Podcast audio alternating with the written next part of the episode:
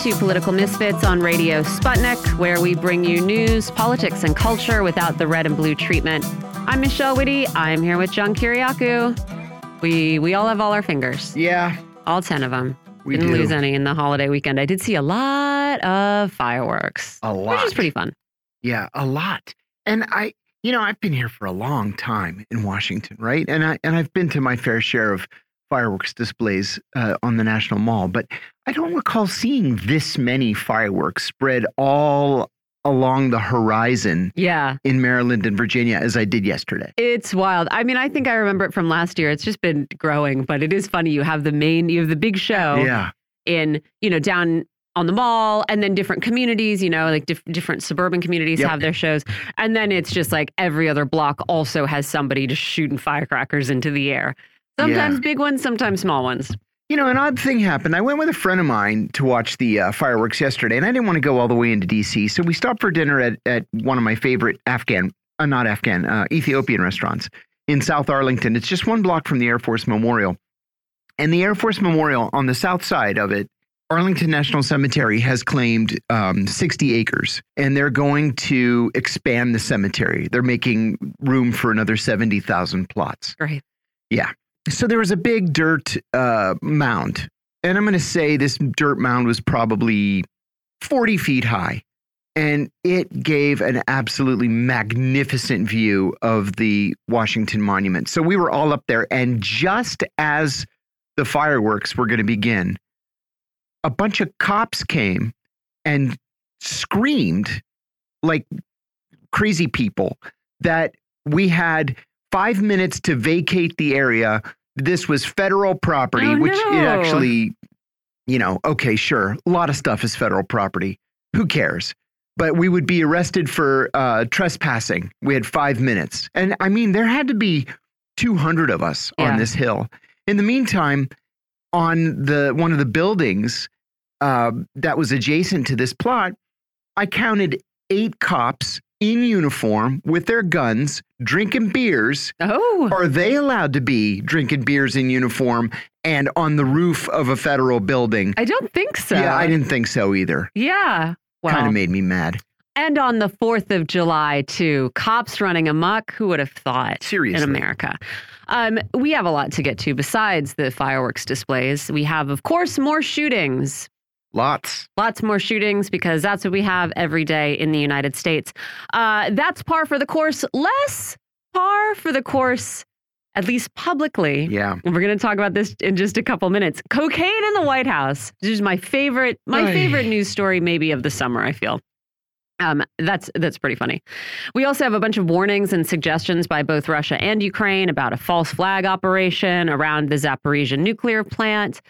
Uh, it seems as though the, the deadline that was suggested for such an operation i- Mhm. is passing um, without any big news. So maybe we can sort of take heart at that. Yeah. Uh, we have the Secretary of the Treasury heading to Beijing. We've got Elliot Abrams back in the news. I'm just, I've been shaking my head about this. Why he's been hauled out of his crypt really is perplexing. Um, unless I don't know. I, I mean, people are just out of touch. People don't care about Abrams' background, which we'll talk about a little bit more later. Yeah. Uh, we've got Israel pulling out of its operation in Jenin. Uh, we have we this dropped on Friday, and we didn't get a chance to uh, to talk about it. But we have the State Department's after action report on Afghanistan, which you know is doesn't make for very exciting reading. Makes for pretty frustrating reading, really, because the the lessons learned are all about managing communications and managing lo- logistics, and also uh, having Senate confirmed people in the positions they're supposed to be in. Yeah, that was that was a very specific point that was made Mhm. uh, in in the report, and I'll tell you the and we'll get into this in more detail later. But the part of the report that was the most interesting to me was how little it said about the Defense Department, because frankly, this report should have been conducted jointly with the Defense Department. Mhm. And a lot of it was like, well, we're th this is out of this, you know, this is beyond the scope of this report. This is also Right. beyond the scope of this report. Yeah. Yes, there was a lot of that. Yeah. The fact that it was un unclear who was supposed to be coordinating with these different agencies. I mean, again, it's sort of not a lot of it feels very specific to Afghanistan. It feels sort of descriptive of how our government functions in the last decade or Yeah. so. Uh, I want to. We'll talk about it more later. I want, but I want to add a, a point too on this because I, I'm afraid I might forget it later. Uh, one of the recommendations, not even recommendations, one of the conclusions that the, that they make in the report is that there was no mechanism by which to debrief people who were involved in the shutdown in uh, in Afghanistan. That was very puzzling to me because at the CIA, at least, as soon as I returned from Pakistan, just as an example, I was contacted about an after action report on the Abu Zubaydah capture. And it was a panel of senior intelligence service officers, Hmm. like really important people. They took down every word I said. They may have even recorded it to the best of my recollection. This is like standard operating procedure. so there was no mechanism for the people who come back No. after this withdrawal. No, they went on vacation. They went on to new jobs. I They- mean, does this speak to you know something that we've it's been chaos talking about? over at the State Department. Hmm? It's chaos over there. Or is it, it does it also, I mean, yes, does it also speak to the way that the functions, the proper functions of a State Department have been usurped on one side by intelligence and on the other side by the by military? DOD. And so it's just all of this stuff like why who what kind of what I role do we even it. have? You I know? think that's It's. Bill Burns who's doing diplomacy Right. And, it's the DOD that's that- doing negotiating. And couple that with the fact that, as they said in the report, they didn't. They everybody was an acting assistant Yes. secretary of something. They had nobody that was actually confirmed in place. Yeah, and of course, Big again, problem. you know, uh, the the report goes to pay. Uh, it takes pains to say the people who are in these positions were career. You know, they're Correct. career people. They have a lot of experience. They're not. It's not necessarily that they are in any way incompetent. It's that you might lack access to senior government officials in Afghanistan Yes. if you are just the acting person. You might lack access to, you know, just certain areas of personnel or data that you're going to need if you're going to do a good job in this crisis. Yeah, okay. We have more to get to on that. I do want to we got to talk about this cocaine in the White House. This, This is is this is great. Thank you for this. And uh, otherwise it's been a pretty bleak week of like children being shot at. Yeah. Oh, you know, we're going to talk more about maternal mortality in the United States and uh, and youth gun violence as a public health problem. Uh, but yeah, on we got this was it was wait remind me of when the cocaine was actually found. I believe it was found on Monday. Was it Monday? I am going Something to go like check it up. I, I they have said that. The, uh, let me see. Let me see. Let me see. Yeah, this was the thing. I think I remember. Uh, I think it was Sunday night. Maybe, maybe Sunday that's what night, it was. It yes. was reported Monday. And I remember seeing these alerts that the there had been an evacuation because an uh you know a, a mysterious substance had been found, and so they very quickly tested it, found that it was cocaine. It's described as being in a Ziploc bag. yeah, I- that had they to be ha- a lot of cocaine Yeah, if it was in a Ziploc or bag. they have to mean like a little Yeah, a baggie, little and they're baggie. just calling all. But who thinking. knows, right? We were talking about the White House. Maybe they had half a gallon of cocaine that they dropped into this. Uh, it was found in a work area of the West Wing, and you earlier today told me what we can conclude from where it was found. What can we conclude from this? So it was apparently found in in a wooden box with slats that is outside of of every vaulted area where you put your cell phone because you can't go into a vaulted area with a cell phone it's a security violation.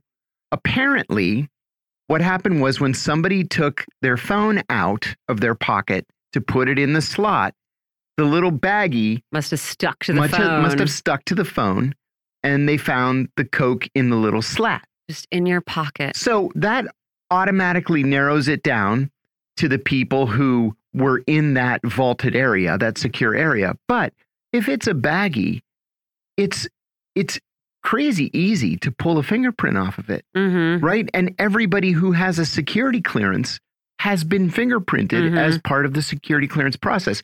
If they really wanted to figure out who this was, it would take about a minute. And you know, I here mean, we are all unless these like days later, everyone's handled it or whatever, right? Maybe, but you know, Well, you can see who's like you, this Right, is the Secret Service, this is Yeah, the Secretary. Yeah, yeah, yeah, yeah. Exactly. I'm going to go out and say if we're Sherlock Holmesing this, I'm going to say it was probably a man because a lot of women's sort of dress clothes don't have pockets, Right. so we would keep our cocaine in our purses. I think that's a good observation. I do like I more pockets for women also. So. I want to add to this too. that you know this goes to the arrogance of the people who have these jobs. Oh yeah. You know, I was mentioning earlier in our in our editorial meeting that when you're a federal employee, you um, are supposed to be subject to random drug tests.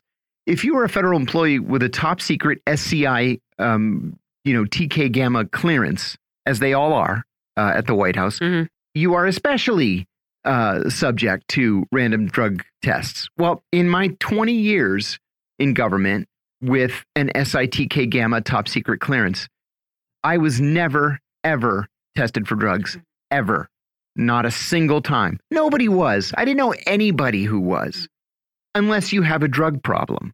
But, uh, you know, maybe they should start testing if this is going to be I mean, problem. I did. I also, my first thought was that it's not, it's funny that there's a headline that says there's cocaine in the White House because I'm sure the White House is awash in cocaine oh, most of the time. You know be. what I mean? Oh, like, come, has yeah, to be, right? Absolutely. But again, it also shows who who these things are illegal for and who they aren't, right? That's I right. don't know. Maybe we will see next. I mean, I don't. I don't actually wish. I don't wish the person if someone is found to uh, to own this cocaine, right? Yes. If if a if a culprit is ultimately pinpointed, I don't think that person's life should be turned over or whatever. No, but again, it just not. goes it goes to show who feels safe in almost all areas mm -hmm. yes. to walk around carrying a substance you're not allowed to carry, doing a thing that's illegal, and who are people who are sort of randomly targeted by police and yes. shaken down and have right. their lives overturned because of, uh, you know, a matter of possession mm -hmm. like this. Mm -hmm. And that's the divide I think this also highlights. I agree with you. But thanks to the Biden administration for for giving us this story.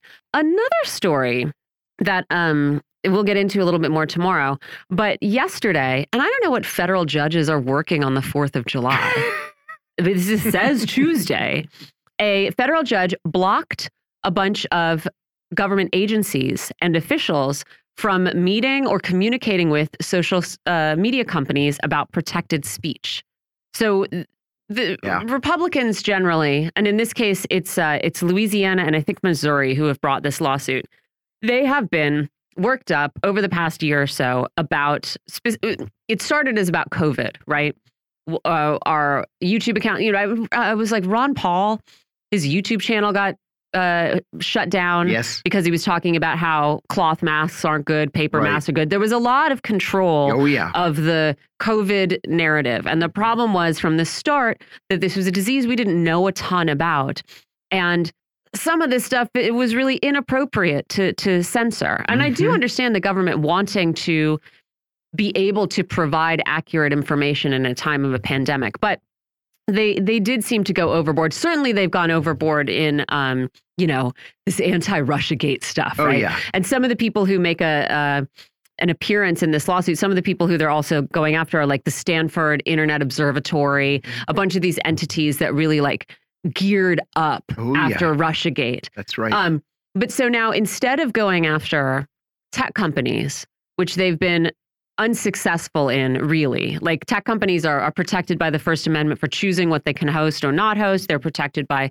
section um, 230 uh, in not right. being liable for this kind of stuff. So they have some protections. And so it seems like Republicans have changed their tactics and now they're going after the government and saying, you're, what you're doing is overreaching, you're suppressing speech. Um, and it is going to be interesting to see uh, to see how this works out. because the Republicans have was. Yeah, I do. I mean, I, I again, I do think there is a there is such a thing as public health, right? And there is such a thing as uh, as wanting to ensure that accurate information is is gets out to the public, right? Mm -hmm. And that you don't have people saying, "Oh, that your voting date has been changed." You know, go go vote at the Arlington Court House on, on July seventh or whatever. But they did they did seem to overstep a great deal, and they are you know like this ignores also this sort of pattern of um, uh, sweeping up accounts for supposed coordinated inauthentic activity that also just happen to be expressing political views that run contrary to sort of the uh, U.S. imperial goals, right? Which mm -hmm. happens all the time, and that is what you know uh, makes me interested in in some of these actions. But we'll talk a little Agreed. bit more about this story tomorrow. But it's an it's an interesting uh, it's an interesting new angle, and the judge seems sympathetic. Yes. Uh, so far to yes, these uh, these plaintiffs. Yes, indeed. It's going to be very interesting. I know we have our next guest on the line. Oh, so. good. Okay. Well, a senior Chinese trade official said today that China's decision to restrict sales of rare earth metals to the United States in response to the American government's decision to restrict sales of semiconductor chips to China is, quote, just a start, unquote, as Beijing ramps up for a tech fight just days before Treasury Secretary Janet Yellen travels to China. China is restricting sales of gallium and germanium to the United States. Both metals are used in the production of semiconductor chips. This is the first visit of a U.S. Treasury Secretary to China in four years, and if anything, relations between the two countries are just as antagonistic now as they were then, four years ago. The Israeli government said this morning that its operation in Jenin has been completed and that the 1,000 IDF forces sent into the Palestinian refugee camp would be withdrawn. Israeli forces on Monday killed nine Palestinians in Jenin and a tenth in Nablus, and the Shin Bet said that it had killed all eight members of an unnamed Palestinian terrorist cell. The Palestinians, however, maintain that the Israeli attack was primarily against civilians, and yesterday a Palestinian in Tel Aviv drove into a crowd of Israeli shoppers, injuring eight.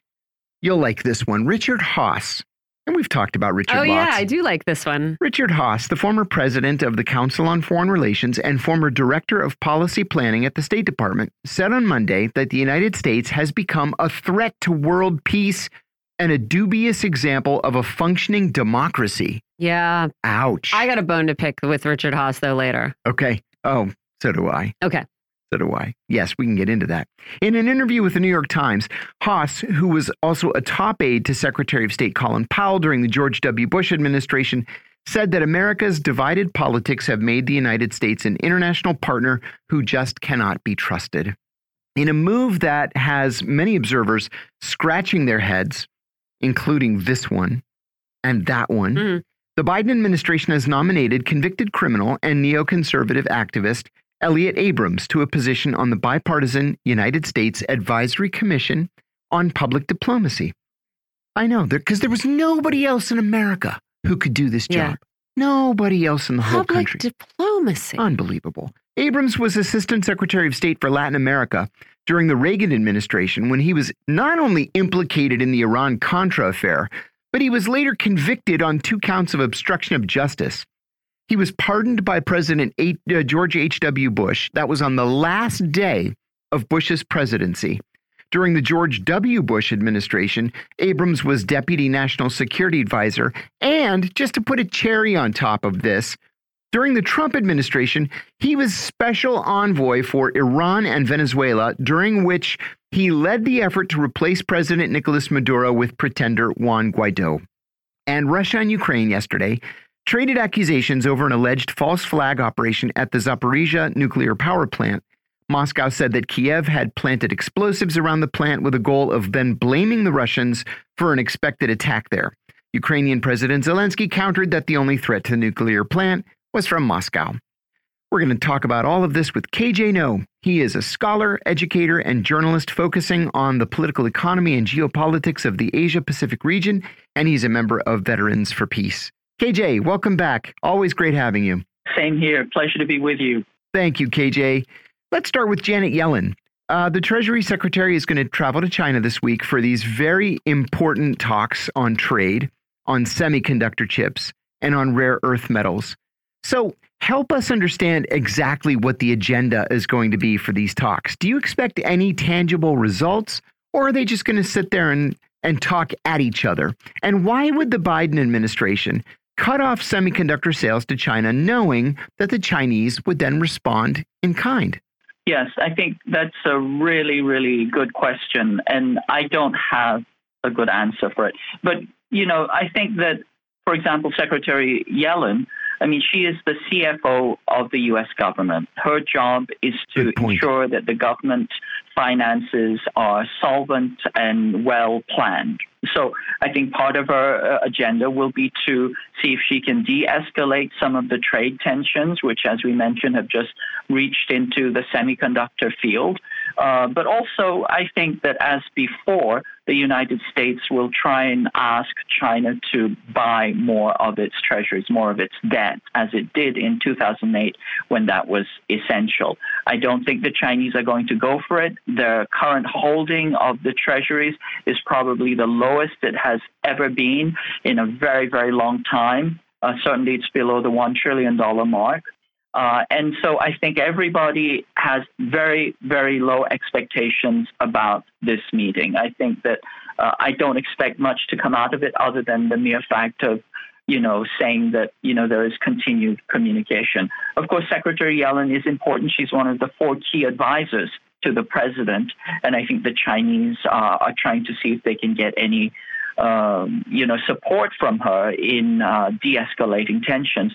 But on the other hand, just before she arrived, uh, they uh, responded with their own semiconductor sanctions. Now, just going back to October 7th of uh, uh, of last year, the U.S.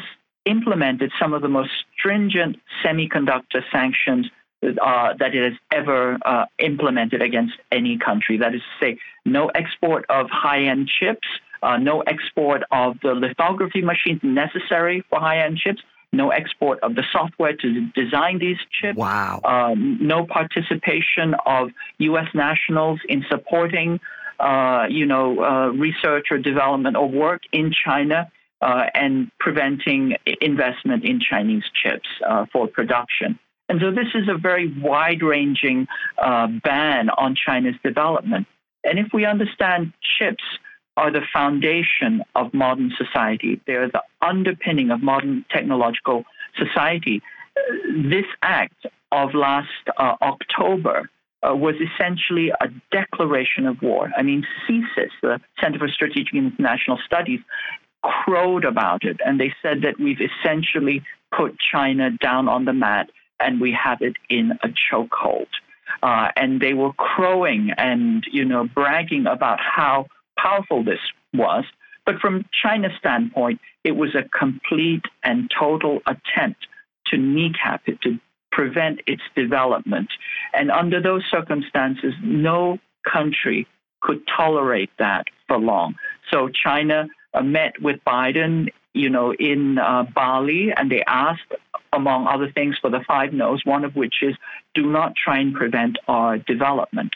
Blinken and Xi met again. They reaffirmed the Bali. Uh, Bali agreement, mm-hmm. and then right after the Bali agreement, uh, the U.S. Uh, uh, pressured the Dutch government into preventing the exportation of deep ultraviolet lithography machines. This is an older generation. This is established technology, mature technology. There's no need for the U.S. to prevent this. It's like preventing the export of uh, VW uh, bug engines to China or something. It's mature technology.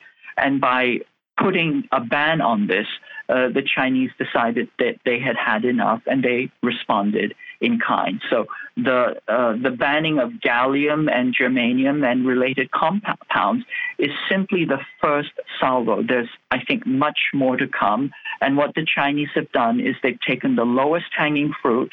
They haven't plucked it. They've pulled on it and they've let go of the branch and let that kind of uh, vibration move through the entire tree. And it's simply a message to the United States. There's a lot more we could do here. You destroy our chip industry, we can destroy your chip industry too. That that is a good segue into my next question, which is about this gallium and germanium. So the the Chinese last week, as you said, said that they would cease the export of gallium and germanium, which are which are critical uh, to the production of semiconductor chips. The Chinese control something like 85 or 90% of the world's production of rare earth metals in general, but rare earth metals including gallium and germanium. Um, and it's because over the years the Chinese have made a policy decision to absorb the enormous cost that comes with the waste that's produced uh, with the mining and production of rare earths it's a it's a money losing proposition even if everything from you know the chrome on on a car's bumper to the guidance system in a missile requires these rare earth metals so What do you think this does to U.S. chip production? Can the U.S. replace gallium and germanium? Or do you see eventually a middle ground between China and the U.S. where they agree to back off on these mutual threats? You know, I don't know. It's too early to tell, but my guess, and I'll just take a stab at it, is I think it will escalate further. I think it will get worse before it gets better. As I said, gallium and germanium are the lowest of the lowest hanging fruit. There's a lot more that the Chinese uh, have uh, metals that they have control of. And these are not just the 17 rare earth metals, they're most of the metals that are used to dope uh, semiconductors or silicon in order to make them function as uh, semiconductors or as useful semiconductors. And therefore, uh, I think that you know there could be a whole raft of sanctions, and they're not technically sanctions. They just have to the companies producing these materials have to ask for permission before they export them. Uh, the Chinese say this is not targeted at any country, but it's pretty clear that this is a response to U.S. actions, in particular the DUV uh, lithography machine ban. But yeah, absolutely. I think that um, you know China has kind of taken on a monopoly of these metals simply because even as the U.S. was exporting its industrial production, it was also exporting uh, its waste and pollution.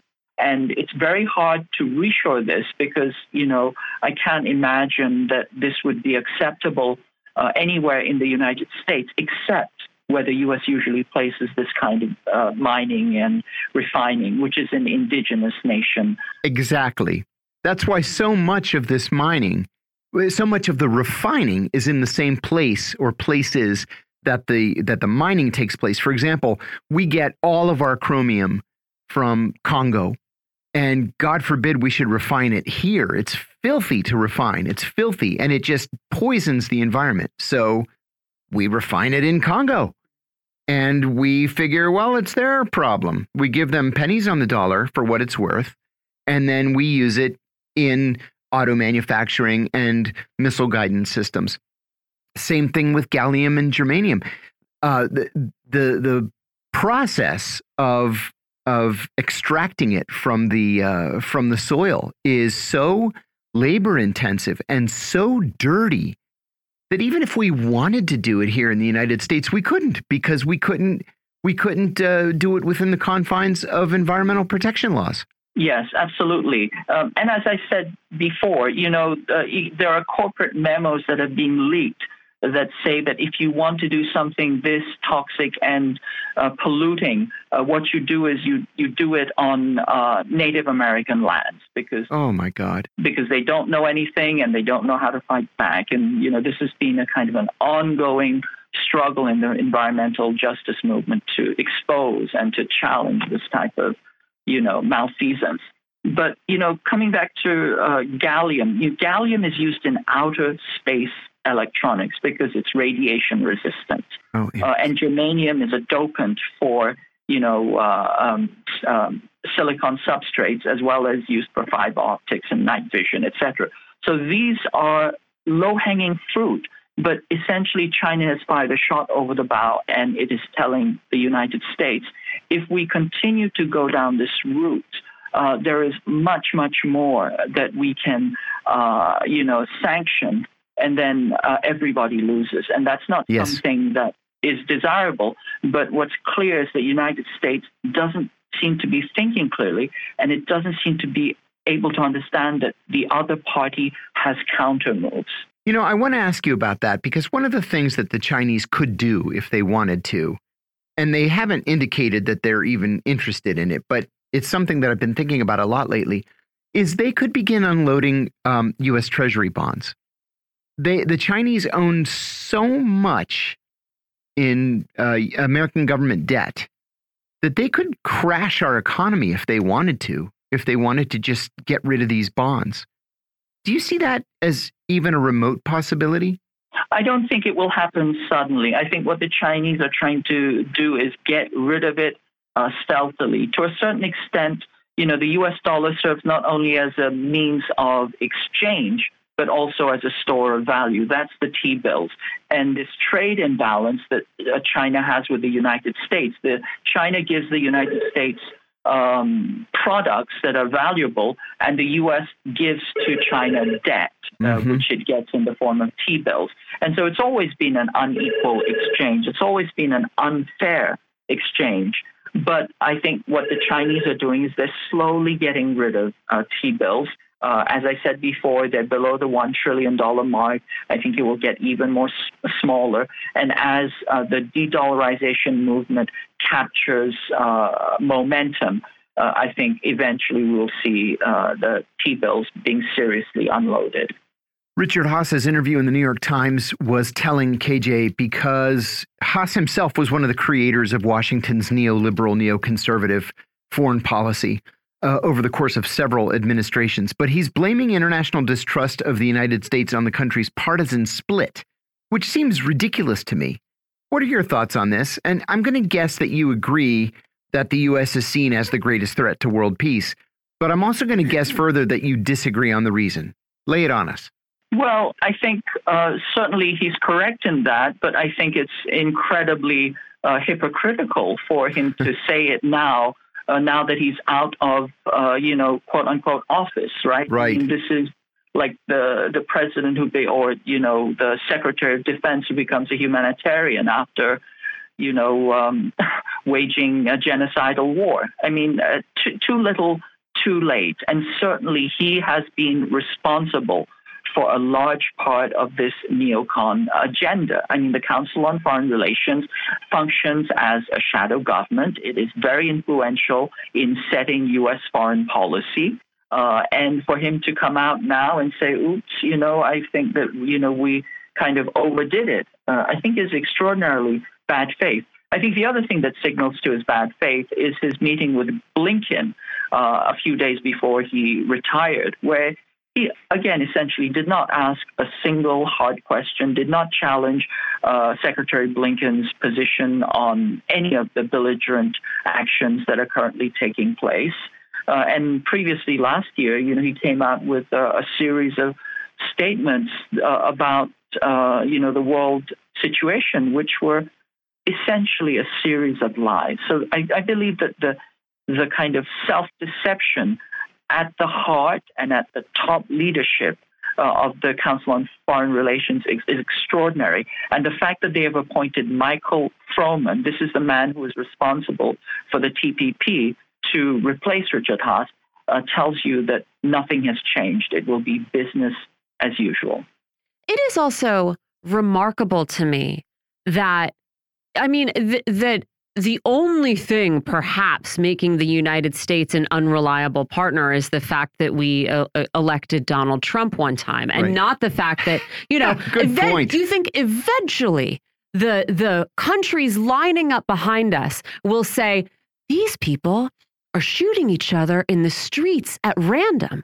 Maternal mortality doubled in 20 years uh, you know, uh, gun deaths among children have leapt by 50% in just two years. 40% of the country is struggling to pay their bills. Maybe we don't want our entire planet to be shaped by the people who have brought us this society, yeah. right? I find it astonishing. They're like, ooh, no, we are now an imperfect and we're an uncertain exemplar of democracy. Do you think and you, because you, you, think 40% of Americans wanted to democratically vote in people who were going to destroy their uh, standard of living, you know, or do you think maybe there's something that's been going wrong with this democracy for several decades now, and that's brought us to this point? It's so blind, willfully blind to the the predicament of actual Americans who have to live in this poverty and violence. It's so offensive to suggest that like this, oh, it's only Donald Trump. It's why they're they're thinking otherwise. And like maybe who knows? Maybe for Emmanuel Macron who wants France to to follow this path, maybe that's the case. But it should be about a lot more. And it makes me very angry to see None of this mentioned when we say, like, ooh, Richard Haass, he's so Donald Trump got everybody very nervous. Uh, God, sorry, I just, it, I, it's outrageous to think that uh, you know that, that our domestic politics are somehow unconnected with the the the standard of living for most Americans. You know.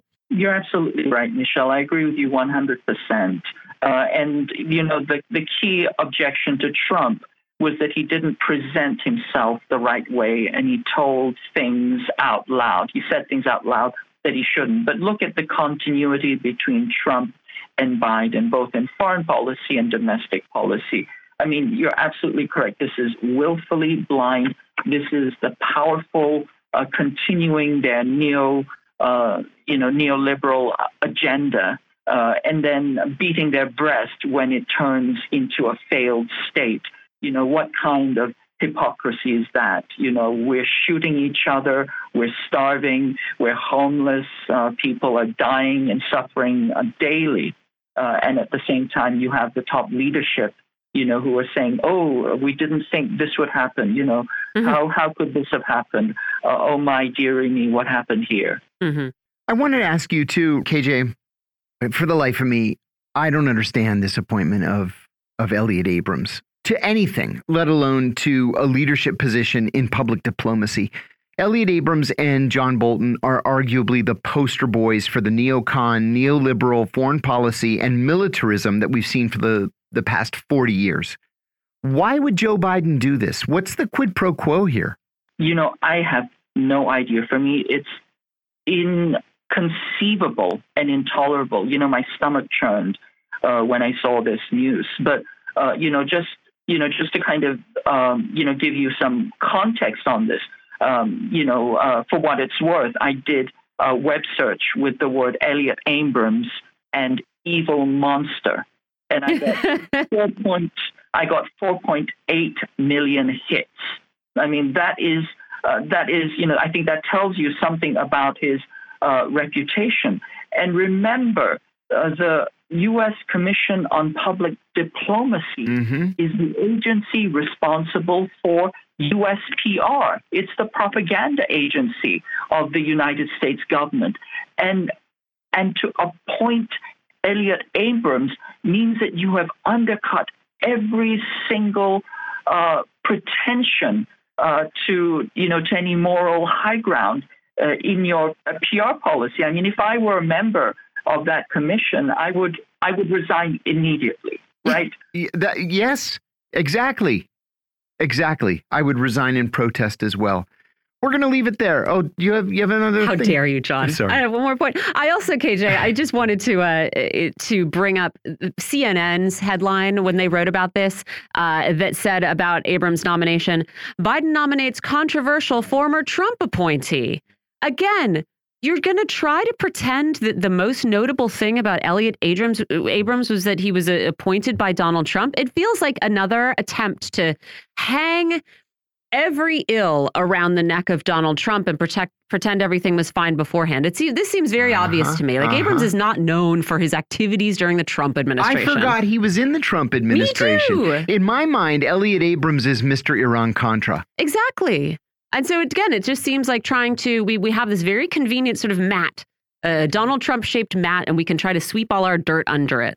Yep. Yep, yep. No, absolutely absurd. And remember, Trump refused to hire uh, Elliott Abrams as Deputy Secretary of State. He was on the agenda, and Trump refused to hire him. So, you know, eventually got, you know, another hmm. lower position. Right. So even that is not correct. Yeah, you're absolutely right. Yeah. KJ Noh, thank you for joining us. KJ is a noted scholar, educator, and journalist focusing on the political economy and geopolitics of the Asia Pacific region, and he's a member of Veterans for Peace. Uh, I think we're going to take a short break, yeah? Yeah. You're listening to Political Misfits right here on Radio Sputnik. Stay tuned. We'll be right back.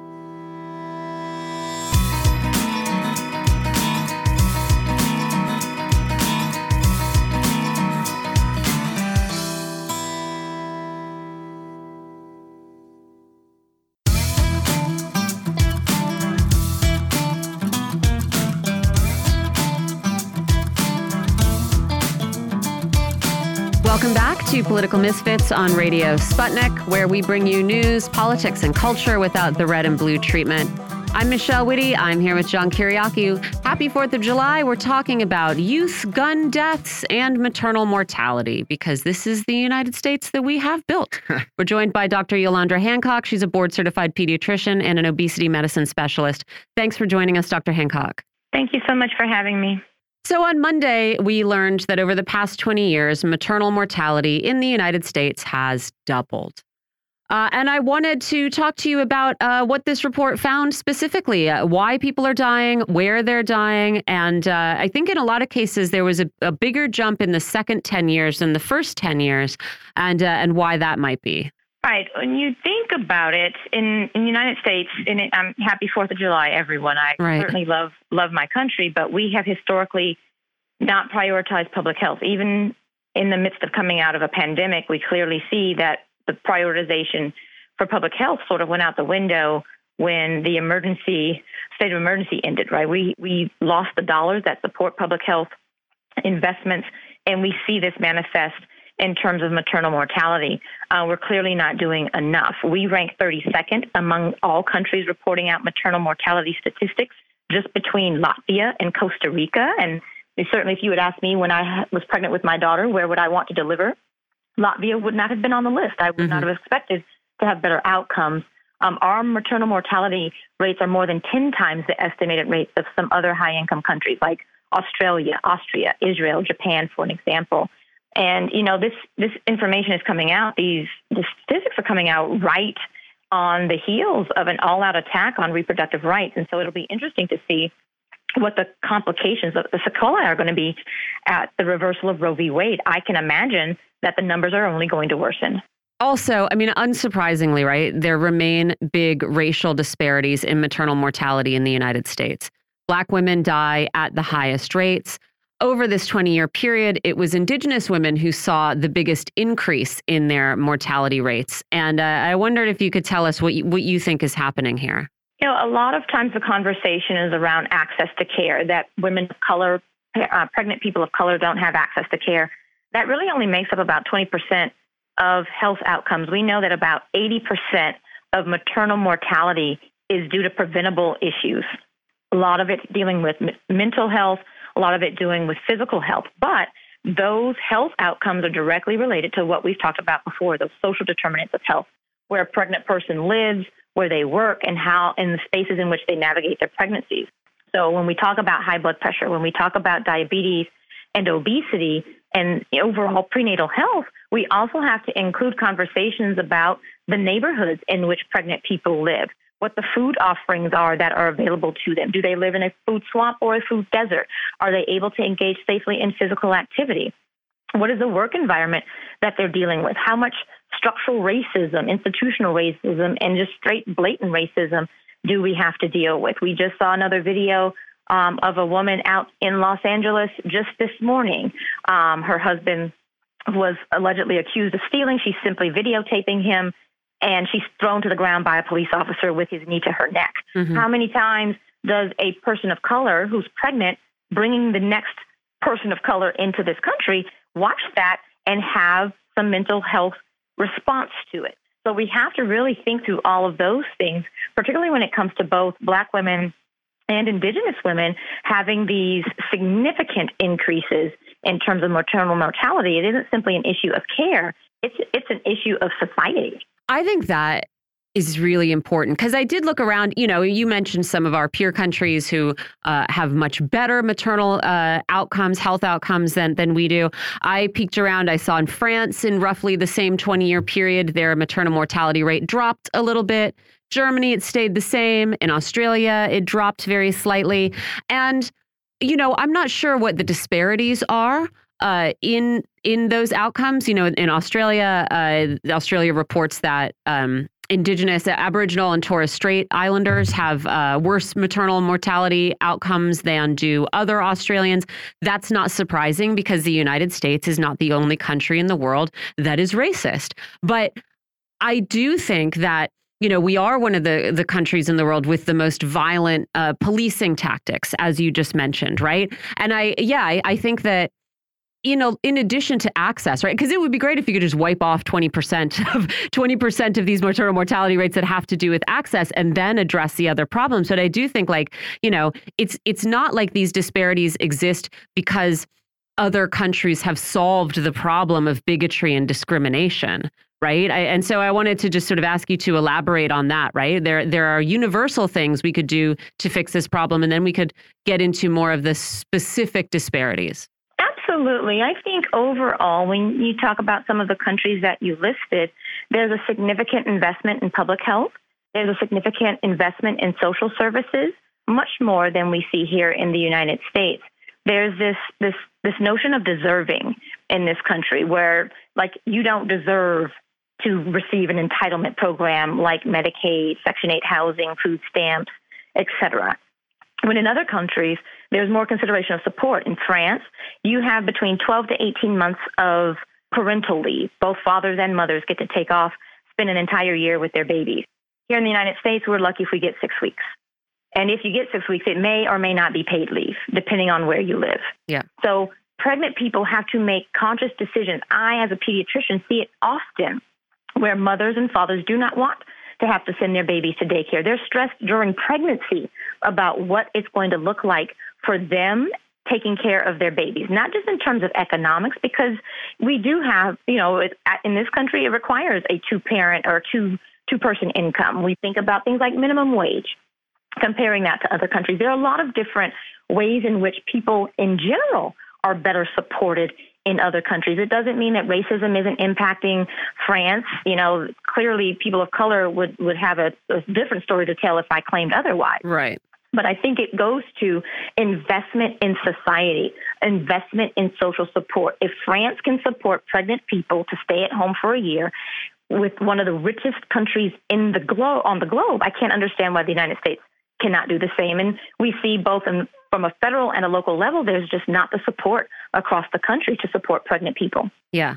And I agree that I, I think that this also has to do with our, our overall health, right? Because it's not as though maternal mortality rates are going up as the rest of us get healthier, right? It's sort of not a mystery. And so I wanted to ask you to elaborate on on those connections because it does feel as though we we are steadily getting, you know, we're we're getting less fit we're getting sicker, we're getting fatter, and that there is not uh, an investment necessarily in this public health because it's more profitable to have us be sick. Absolutely. We, we certainly do not prioritize prevention. It's all about treatment. And when you look at the overarching reasons why women are dying in childbirth, the, the majority, almost 23%, according to the CDC, is due to mental health conditions. And I know we have had an opportunity to talk about it before, but it speaks to what you're describing. We as a country aren't prioritizing mental health, and that's reflected in these maternal mortality outcomes. The second most common is hemorrhage, clearly associated with pregnancy. The third most common is cardiac and coronary conditions. 13% of maternal deaths are due to preventable cardiac diseases, and we're seeing that as the country's number one killer is heart disease we have to prioritize prevention in order to one improve the health of the country but particularly in addressing uh, maternal mortality.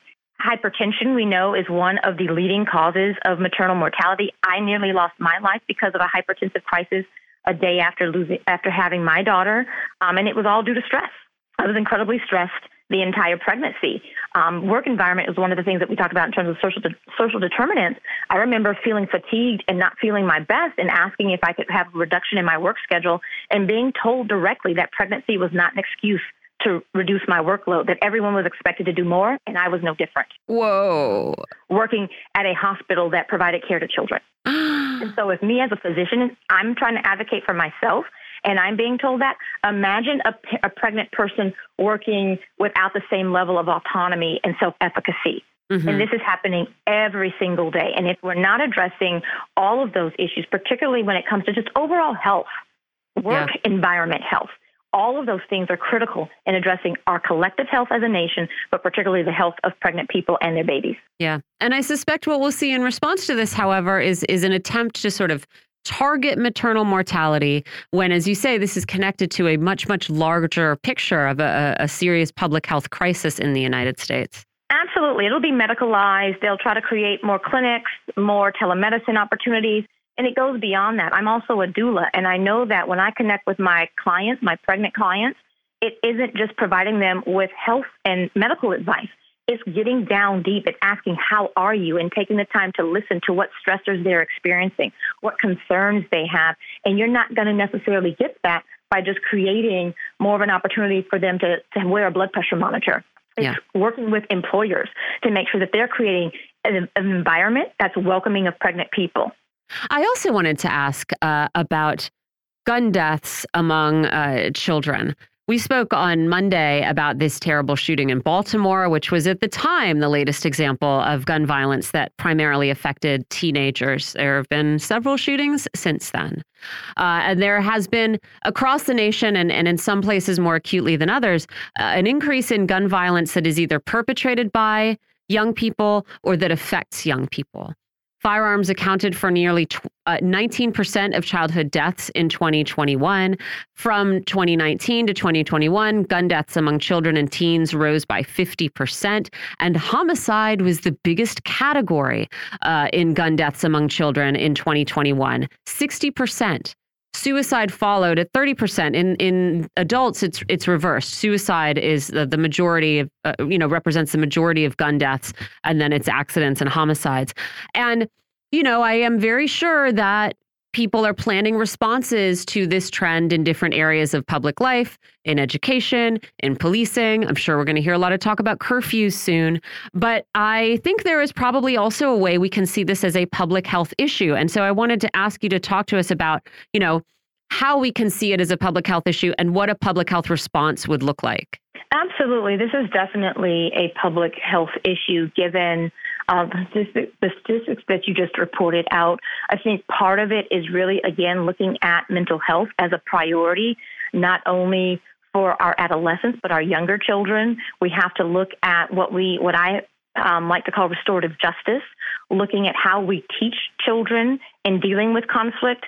A lot of what they're seeing in the media, a lot of what they're seeing in their neighborhoods, a lot of what they're seeing even within policing, is that there isn't space for restorative justice. There isn't space for conversation, for diplomacy. Instead, it's automatically uh, resorting to violence and feeling like there's a need to protect self. We've seen that um, play out in front of the camera when it comes to the interactions with police officers. And a lot of our children, especially in communities of color, are in these spaces of survival mode, right? And we really have to address some of the issues that are triggering those responses. Part of it is also something that we've talked about before in terms of gun control, right? A good majority of these increases are due to the fact that our children are dying because people would rather protect the Second Amendment than protect our children. And I think that that is something that we also have to address. So it's there's several layers to a public health response. The first is truly prioritizing mental wellness in our country, particularly among our children. It's dedicating funds to creating spaces for children to be able to have check-ins, to figure out how they're doing, how they're addressing conflict, teach them conflict um, negotiation. How do they navigate through when they're having difficulty or challenges in their community? How do they have a sense of safety and community? Again, it goes back to those social determinants where a child is born, grows, learns, lives, and plays how do they feel about their community and what would they do? How do they feel like they can protect themselves and how safe they feel? Part of it is also addressing something that we continue to fail to do, and that's gun control. It's having laws in place to protect our children and to protect adults from having guns in the wrong hands. It isn't, you know, people always say it's not guns that kill people, it's people who kill people. Well, if people didn't have access to guns in the way that we do, then our children would be better protected.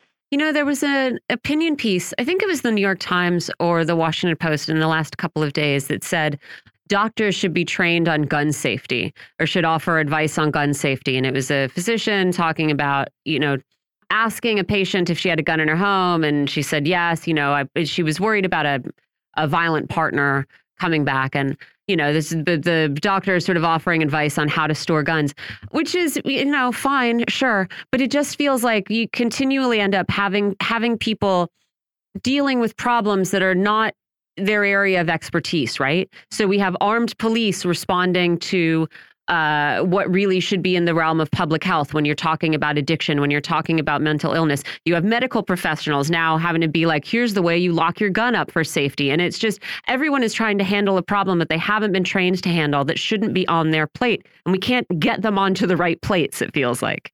You're absolutely right. And it certainly was part of our training to ask about uh, the presence of guns in homes. We also have to be very careful in terms of trusted environments, um, especially for communities of color how we preface the question is important to make sure that we don't feel like there is any bias or prejudice in the clinical space, because then once that question is asked, then what is it that we do with it? How, what is the level of detail that we communicate with families? I know in states like Florida, there was actually a policy that was attempted to be passed to ban physicians from even being able to ask that question. There have been policies passed that have attempted to ban public health organizations from collecting data around gun injuries so that we won't have the statistics that you just laid out so perfectly. It's all an attempt to hide, to create this level of protection again against you know to protect the Second Amendment when our children are paying the ultimate price with their lives. Dr. Yolandra Hancock, thank you so much for joining us. I know that this is not the only place you speak publicly to people, so where should our listeners go to find your show? Feel free to follow me on social at a-S-K-D-R-Y-O-L-A, or on my website at askdryola.com. Thank you so much. We really appreciate it. Thank you. We're going to take a break here in a second, come back and talk about some domestic politics and then talk about the the end of this operation in Jenin and the end of our operations in Afghanistan. Yes, indeed. But I do have one quick headline for you. Did you see all these headlines saying that Tuesday was the hottest day on earth? Hottest day on Earth since at least 1979. Mm, yeah. Which doesn't go back that far, no, to not very be far. honest. Well, what was interesting too was that Monday Mhm. was the hottest day ever recorded on Earth, and then Tuesday was hotter. Tuesdays when I put my bathing suit on. Hey. First time? no, I Oh, was okay. joking. it's just, yeah. Average global temperature, uh, 62.9 degrees Fahrenheit. Wow. Uh, and so, you know, I don't know. El, it has to do with El Nino. It's Yeah. coming, blah blah blah. But of course, yeah, people are looking at this. It is sort of difficult sometimes when when you say hottest day on record, and then you see that records only go back to 1979. yeah. It does leave a little bit of room Yeah, for people to say, okay, it's a big planet. We have we Right. exist in longer cycles, and when we're out of, you know, when this El Nino cycle cycle passes, where are we going to be? Right. So, yeah, we'll see. I also, uh, I'm looking forward to having a conversation in the next hour about, um, you know, we, we talked about how China really rolled out the red carpet for Mahmoud Abbas. But is any interaction with the leader of the Palestinian Authority, can you really even see that as, as an interaction with someone who truly represents Palestinians and represents Palestinian desires for statehood and the circumstances under which they want that statehood to be, you know? And so on one hand, you know, sure, China's being commended in some quarters for uh, taking his visit so seriously and treating it like a state visit. But honestly, if we are going to make any progress on this issue, it doesn't seem like it can continue to be the the PA who we are interacting with. Right. But that that's up to the Palestinians, and they haven't been willing or able to make that transition. Yep. So we'll talk about this and more in the next hour. You're listening to Political Misfits on Radio Sputnik. We're live in DC, and we'll be right back.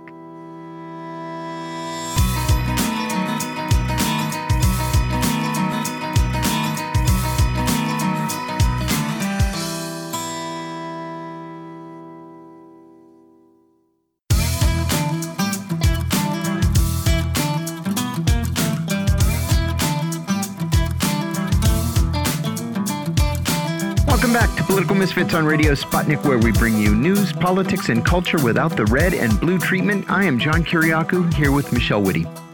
As Democrats reel from last week's Supreme Court decisions on student loans, affirmative action, and religious freedom, President Biden is facing renewed pressure from elements of the Democratic Party to more forcefully embrace reform, and I use that term in air quotes, reform of the Supreme Court. Democrats from across the spectrum are pushing Biden to support ideas from expansion of the court to term limits to mandatory retirements.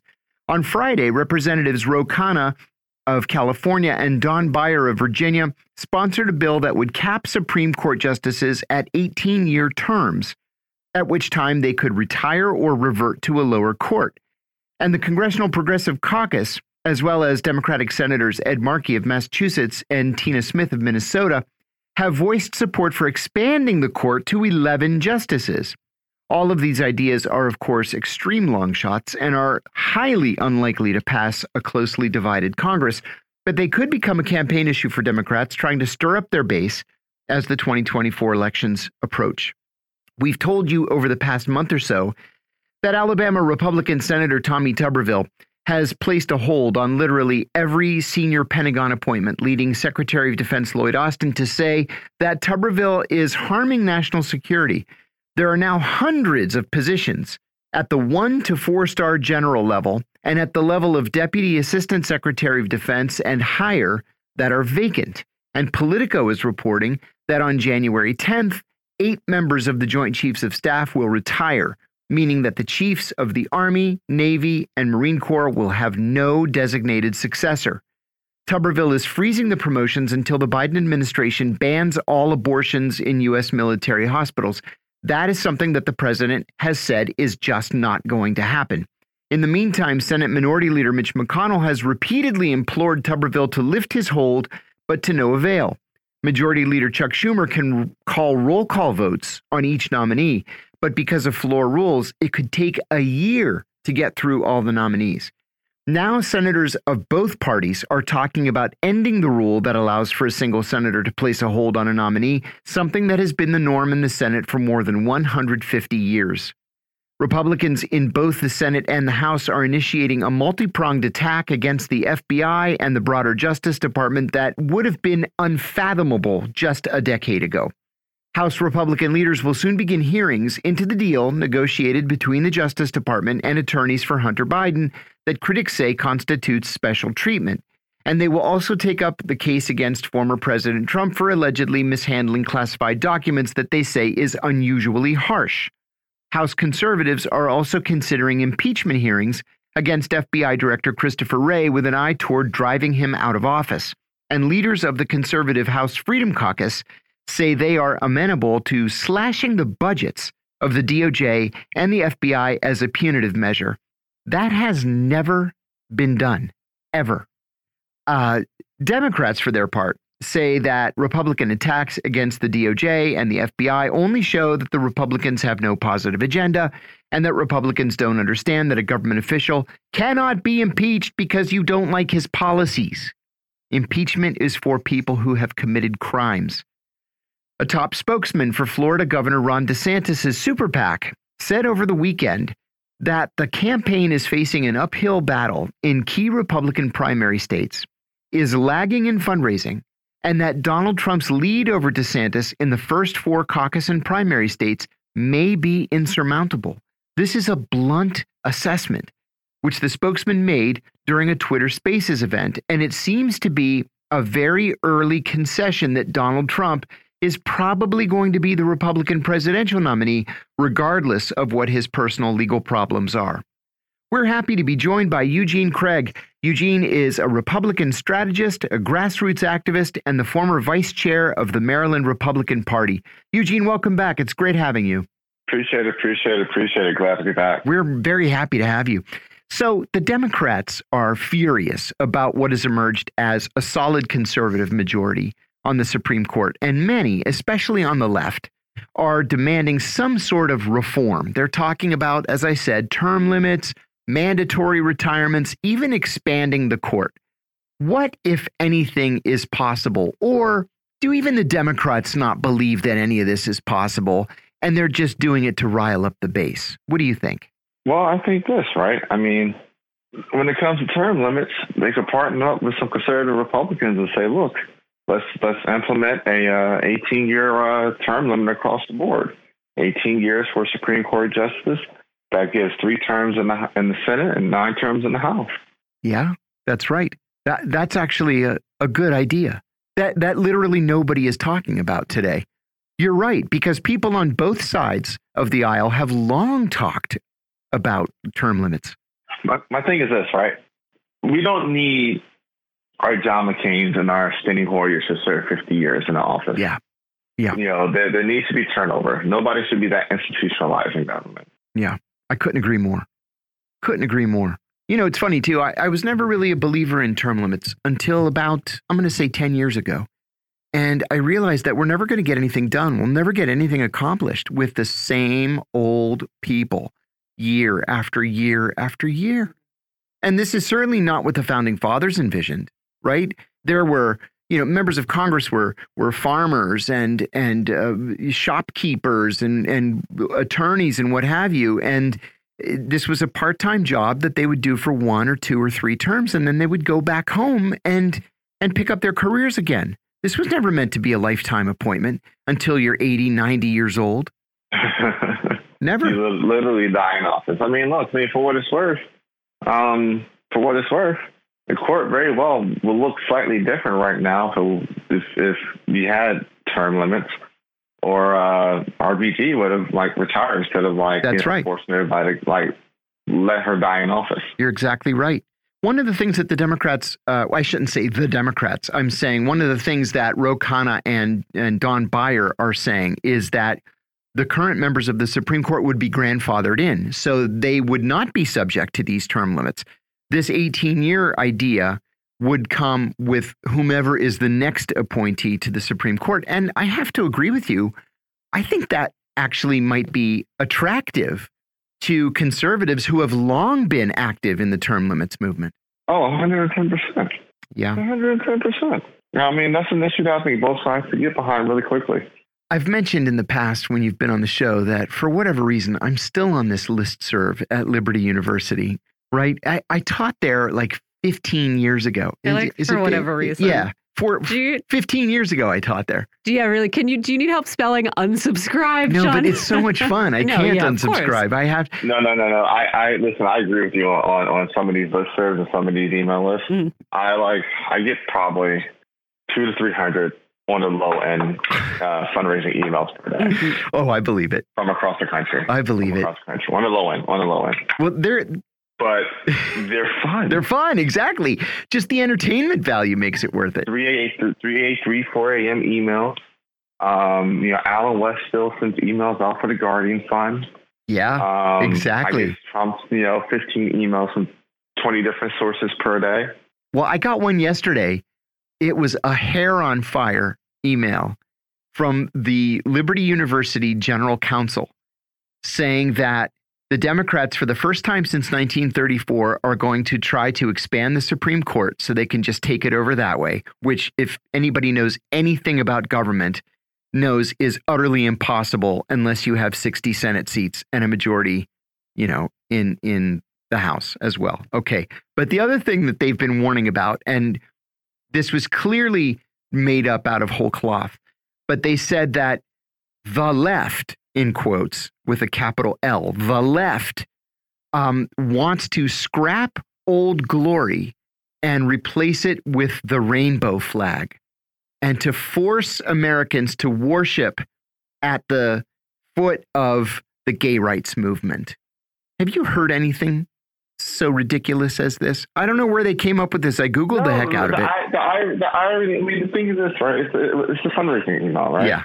So, so the thing is this, right? One, one thing I, I know, or something I've learned, one thing I know, uh, being somebody in that space, right, to some degree, the more sensational, the more outlandish, the easier it is going to be to raise money. Yeah. Yeah. That that's it. So, so it becomes, so it becomes like, what's the best way to put this without offending people? Yeah. Like your low information voter that may have heard something on, you know, Fox or Newsmax or seen it on like a social feed, right? Right. They really feel as though their five, ten, twenty bucks is going to really stop this cause that's completely made up. Right. Right. And so when that happens, you know, when they get that email, when they get that sensationalized, many times outright lying, right? There's an article in Politico days ago um, about how some of these email pitches tell, oh, we're going to match your, your, your, your contribution by 100% or 300%, 1500%. Um, the, the former executive director of the Maryland Republican Party, Patrick O'Keefe, used to joke about uh, you know, how high will they go on the percentage, right? Because it's all literally just a lie. Right. Um, it's literally all just a lie. Um, so, so the thing is this: when it comes to a lot of fundraising email, you're going to get the wildest of the wildest. And see, and to be honest with you, some of these folks are like go replace the Hollywood writers that are striking right now. Because like, as sensational and as creative they can get, like, bro, you're in the wrong business to some degree. Yeah. Seriously. Especially if you get a percentage of what you raise. Yeah, well, they do get a percentage, but that's the other part, right? That's the, I mean, they get a, they, they, sometimes that percentage can be 80 20 or 70 30. It's like, uh, and I probably should shut up at this point. My God, I didn't know that. And by, and by, and by 80, and by 80 20, I mean like 80% is going to the vendor and 20% is going to the campaign. And I've seen some situations where there were 90 10s. Wow. So, I mean, you know, hopefully Kim doesn't get mad at me about this, but if you go, there's there's a there's a Washington Post article and the Baltimore Sun article about Kim Klacik's campaign, right? And how some of the rev share deals that that like her, one of her former staffers got the campaign into, and how some of those firms like literally just like ate up a lot of the cash that flowed into the campaign that would have flown into the campaign ordinarily anyway because Kim is who she is. She is her when it comes to a lot of the conservative movement, right? There's no there's there's, there's no denying that. So these folks like literally just took advantage of her. Um, but you know that happened. Just now multiply that times like two thousand across the country, or higher. You could throw a higher number than that. That's just me being nice with it. So wow. I want to ask you a little more um, serious question. This is about Tommy Tuberville and his holds on senior Pentagon promotions and transfers. All these positions need Senate confirmation, and literally none of it is happening thanks to Tuberville. It's frustrating even for Mitch McConnell, which is fascinating to me. Holds are something that are usually temporary and they're done to make a political point, but Tuberville will not give up. It's gotten so bad now that both Democrats and Republicans are talking about reforming the hold in some way. And one of the ideas that I saw was that a hold could be maintained only if two senators hold it. Um, that's not been done. That's not been done before. But Tuberville just won't even engage in a conversation about this. So the question is, how does this situation resolve itself? It would take a year to get each nomination to the floor, and that's just not going to happen. So what next? We can't have a Pentagon that's just devoid of uh, of people in the one to four star general uh, level. So, so this is this is what I would do, right? If I'm Chuck Schumer, let me tell you what I do. I give Tommy Tuberville 72 hours to lift all his holds.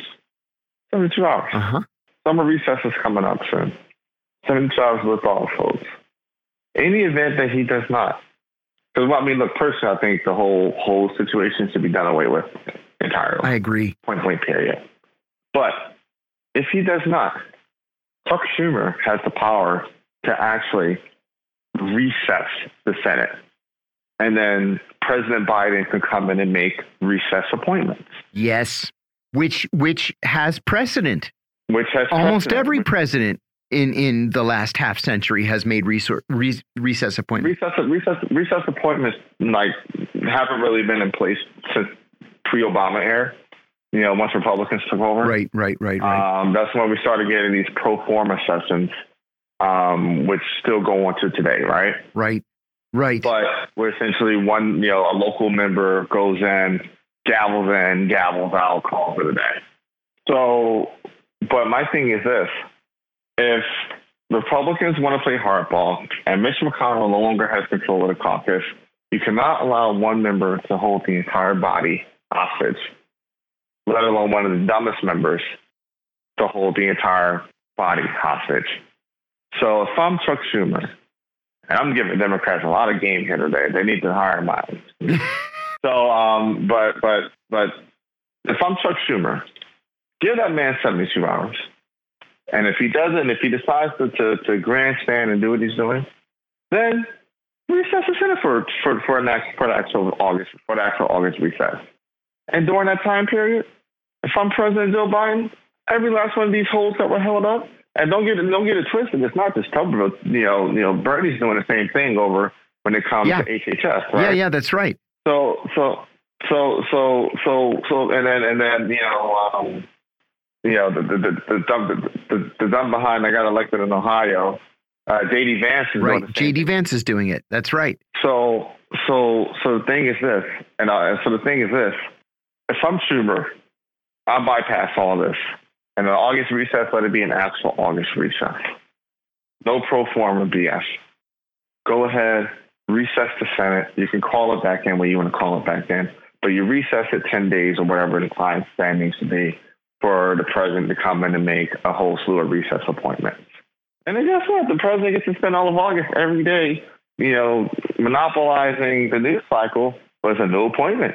that doesn't have to go through Senate confirmation. I'm not saying undermine the Constitution or anything. Not at all. What I am saying is that you should use, use your tools at hand when when tools are being abused. House Republicans, Eugene, will soon begin hearings on the DOJ and the FBI, and there's a real possibility that there could be budget cuts in response to the Hunter Biden case and the ongoing case against Donald Trump, at least on the House side. Thinking back over decades, and I mean really thinking back over a century since J. Edgar Hoover was first named director of what was then called the, uh, what was it called? The the bureau the the bureau of investigation or the office of investigation or whatever they've never ever had a budget cut in the history of the FBI how do you see this playing out are republicans serious about punishing DOJ and FBI Man, oh man. I mean, like, what are you going to talk about naked hypocrisy? so, you mean to tell me the law and order crew, the, the lock up the brown and black at, at highest as you possibly can crew, the secured border crew, because the cartels are bringing in all the fentanyl or, or whatnot, right?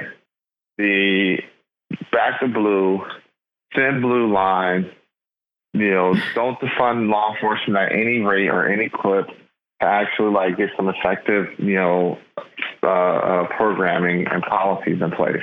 right These are the folk that have spent the last roughly the last decade, right? So they're coming up, you know, I believe we just passed, they're coming up on a decade of Trayvon Martin. right oh my gosh a decade Yeah, I, I talk about it, right?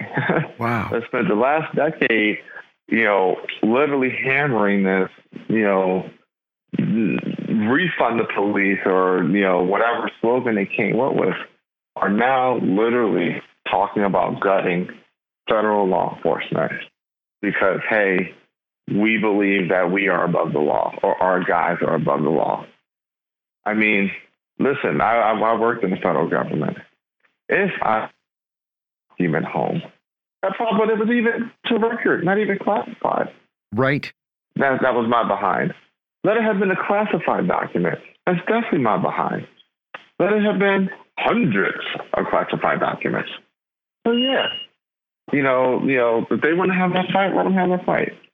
Um, but you know, I think Democrats need to be prepared for it. yeah That's my actual concern.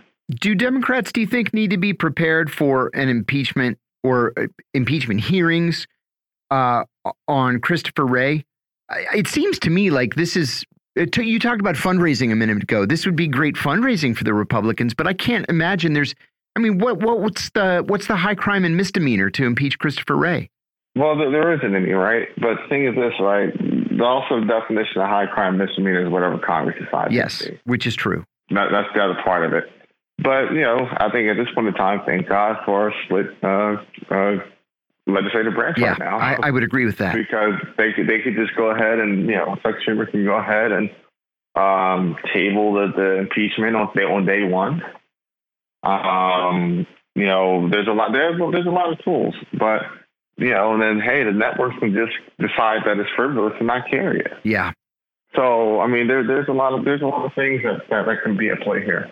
I want to ask you also about the DeSantis campaign. It, it was, I was taken by this by this blunt talk from a DeSantis uh, super PAC spokesman on polling and fundraising. This is the first time that somebody close to DeSantis has said publicly what the polls have been telling us, really since he he made it official and jumped in, that DeSantis seems to have topped out in the polls at this very early stage, and that he just isn't able to make real inroads against Donald Trump. What do you think about the DeSantis campaign? Has DeSantis has his decision to focus on culture wars issues hurt him? Why hasn't he broken out? Well, the, the thing is this, right? You're not going to out Donald Trump, Donald Trump, as long as Donald Trump is still around. Yeah, That's the first thing. agreed. The second thing is this DeSantis has never been like the superstar. You know, what you're seeing in real time is when the marketing and the hype don't match up to the actual reality of things. And so, you know, if you go back to his time in the House, dude was a backbencher. Dude, like, wasn't the most liked guy, wasn't the most affable guy, you know, wasn't, and for what it's worth, you know, hopefully it doesn't, like, mess up some of my political connects over there in the DeSantis world. Uh, I do have some friends over there, but you know, they they also know Gene will talk truth to say truth. But the thing is this, like he was never that guy, right? Right. And then, you know, he runs for US Senate and Mark for Marco's seat, right? Mm-hmm. Uh, Marco, Marco, you know, Marco decides that you know, gonna jump back in. Thing is going to work out and decide to run for reelection, right? Um, and then DeSantis ends up, you know, narrowly, you know, beating, you know, Gillum for governor. Yep. So the thing is this, right? He kind of like got lucky to some degree with this governorship. Mm-hmm. And then, you know, he's riding a red wave in, in Florida. Yeah. To some degree. I mean, and, and ran against a weak uh, Democratic opponent in Charlie Crist. Mm-hmm. And Charlie Crist. And Charlie Crist. Yeah. I mean, I actually think Val Deming should have been. A, oh, totally agree. Totally agree. Completely different race. But the thing is this um, DeSantis is not ready for presidential politics. Um, but what it does, what I think it does show, if he can pull 20%, 30% of a Trump wing with Trump still there, I think that really does show Trump weakness.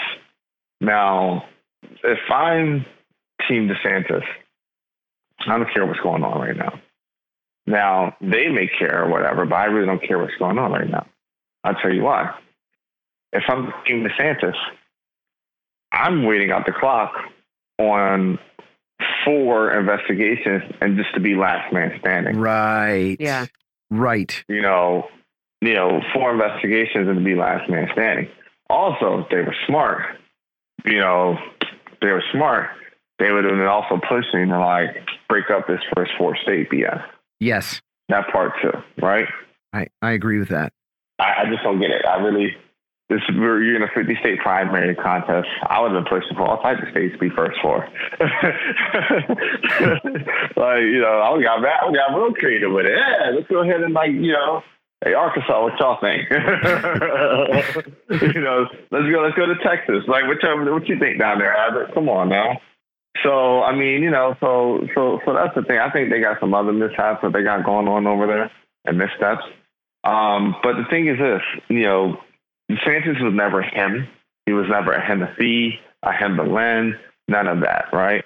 Um, he's a guy that got lucky in becoming Florida, Florida governor with a supermajority in the legislature to get whatever he wants done, and which he squandered literally just on cultural war stuff. Um, which is, you know, the courts are now, you know, slap, at least the federal judiciary is slapping down left and right, right? So, so the thing is this: when it comes to DeSantis, um, they should be alarmed, but they should be alarmed because they have a flawed candidate.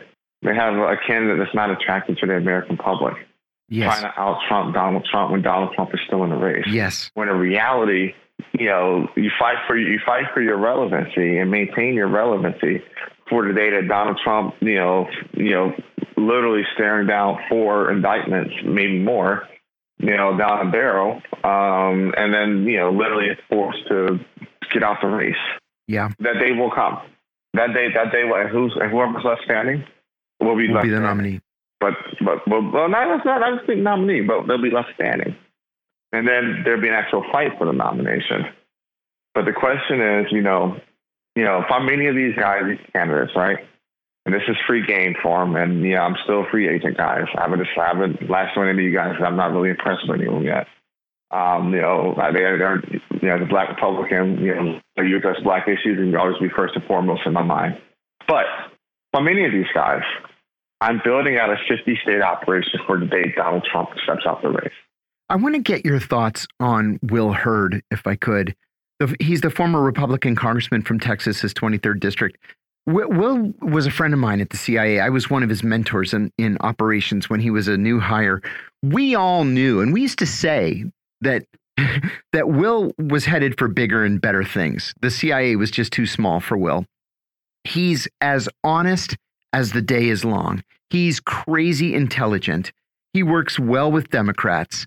He got bills passed in a Democratic House. But he's a neocon and he has the endorsement of Dick Cheney, which, in my view, has to be uh, a sort of a drag on your campaign. Do you think that he's a serious candidate for president first, or rather, is he a serious candidate for vice president? And do you think he's a vestige of a Republican Party that no longer exists? Well, I would say this: in a perfect world, I wouldn't mind a Christie Hurd ticket. I, I would agree with that. You know, I will say this. Um, I got to know Will a bit when he was in the House. Um, you know, very supportive of you know Black Republican efforts and whatnot. Showed up whenever we needed him to. You know, so when it comes to, to, to Will Hurd, do I think I think he got in a little too late, but I don't think it's too late that he can't like build out quickly, right? Right. I think this comes down to how quickly can you build out, how quickly can you establish. Um, it comes out, it comes down to, you know, how quickly can you organize, right? Because I'm be honest with you, 200 donations from 20 states isn't that hard. Right. Right. It's not really that hard. It's if you know, if I'm if I'm doing it, you know, if I'm if I'm advising, you know, all right, buddy, we're we're going on a 20 state swing, and you know, we're just going to have folk come in and you know, we'll we'll do you know 200 person events in each state and call it a day, and then you lock that in, and then you can go get the rest of the donations from your previous district in Texas. But another little secret about political fundraising. Most of your online donations typically come from outside your district or outside. That's right. So it, it just becomes a number crunching thing. And then it's about the, the polling situation. You know, I feel as though you know I can see a situation if Donald Trump decides not to do, not not to step on the debate stage, I see the RNC doing a little bit of polling. And that's not me having insider information or anything. I just see, you know, if I'm them, that's what I do. Because now I need some fireworks, and I might need some of those other guys on stage to get some fireworks. So, so I mean, when it comes to Will Hurd, um, I think you know that that part of the party's still there. Um, the national security neocon Party party's still there. Um, you know, I'm still libertarian at my core, but you know, it's, guess as you get older, you see the world a little differently. You know, you see conflicts a little differently. You see um, what probably America's role to some degree a little differently. Um, and to be honest with you, I, I would not mind a Will Hurd there. I wouldn't mind a Will Hurd as, as Secretary of Defense. I wouldn't mind a Will Hurd as, as uh, NSA director or CIA director. Sure, which would make perfect sense. Yeah, but I mean, the guy, the thing is this, right? the guy's even tempered. Um, you know, he's he's he's a nice guy, but you know, nice doesn't necessarily mean good, right? This means nice. Um, but on top of that, I mean, he's somebody that actually has like the policy depth. Yeah, he does. Very much so. Necessary. So I do think that if he can scale up pretty quickly, he could be a fighter, even if he doesn't make the first debate stage. He could be a fighter, but that, that's going to come to scaling up. And for what it's worth, yeah, I think Bush and Cheney world rallying around him could be part of that scale up and help him out dramatically. I'm going to enjoy watching him. I'm going to enjoy watching him as he progresses. Thought about reaching out. I'm like, hey, let's have a chit chat. If you do, would you tell him that I said hello? We exchanged Christmas cards, but I otherwise haven't spoken to him. Yeah, 100%, 100%, 100%. Thank you. Well, Eugene Craig, we're out of time. Thank you so much for that very enlightening conversation. Eugene is a Republican strategist, grassroots activist, and former vice chair of the Maryland Republican Party. And Michelle, over to you. We have a lot to talk about. We're going to skip this break here because I want to talk about this after action report on Afghanistan from the State Department in a little bit more detail, and also what we should make of this Israeli withdrawal from Jenin. Israel is saying our operation is complete. There All are some over. people Nothing to see saying here. Uh, you might see a little bit of a tail between the legs. So we're going to Mhm. ask wh- which is a more realistic assessment. We're joined by Richard Becker. He's the author of Palestine, Israel, and the U.S. Empire, and he's West Coast coordinator of the ANSWER Coalition. Thanks for joining us, Richard. Thanks very much for inviting me. Let's start with Afghanistan and start with this uh, report by the State Department that didn't seem. I mean, on one hand, you know, these are, of course, surprising oversights by, a government, surprising issues that that arose that you'd think could have been um, could have been foreseen. On the other, it does sort of feel like what the U.S. government does, which is, you know, what, enact or create situations uh, for which they haven't created uh, crisis plans, right? And uh, fail to anticipate, you know, different communications issues. So, you know, it sort of seems like what the the biggest deals here were that there should have been more contingency planning. There should have been more planning undertaken without concern for what the optics would be. They should have had confirmed officials in high level roles instead of a bunch of acting career bureaucrats. Uh, there were some basic logistical details that were left unattended to, like not having a central coordinating authority to field calls about Americans in Afghanistan. And uh, most of these complaints seem to me pretty general. I wonder if you can read between the lines and see anything specific to Afghanistan or to the Biden administration. Well, I don't think there's anything particularly unique. I mean, this is, uh, I mean, every situation is unique in one respect, but in terms of, you know, you have now different um, players, uh, actors uh, in the U.S. who are, you know, generally trying to assign blame to somebody else for something. But the the big, the overall picture is, of course, you know, this uh, this looked like uh, the end of the Vietnam War. Uh, the, uh, end of the U.S. war in Afghanistan looked like the end of the U.S. war in Vietnam. Uh, in complete, uh, just catastrophic chaos, uh, and with great harm being done to the people. Um, you know, and and now you have this uh, super reactionary force that's that's in power, back in power. denying women's rights, denying really rights to everybody who doesn't follow their idea, uh, the Taliban's idea of what the world should look like. Uh, but, you know, having said that, we have to uh, acknowledge the fact that this is a group that only exists thanks to the U.S. intervention the first time around back in 1979, 80, and all through the 80s. That was uh, that was uh, devoted to destroying the first democratically elected government in the history of Afghanistan. Uh, and the first uh, came uh, came to power through a revolution, but then they had elections. They had also uh, uh, rights for women, uh, land reform, all these things that went up against the old ruling hierarchy in Afghanistan. And at, when the U.S. first withdrew, which was after and, and, by withdrawal, now I'm talking about withdrawal of its massive CIA operation, the largest CIA operation up until that point, according to the U.S. government. Uh, when the U.S. cut off that the aid after the Soviet Union withdrew in the late night at the end of the 1980s, uh, then there was civil war, and out of the civil war came a new group that was uh, that was uh, said it was dedicated to peace in the country and an end to the fighting. And that group was the Taliban, uh, with all that it, it, carries with it in terms of its ideology and its practices and so forth.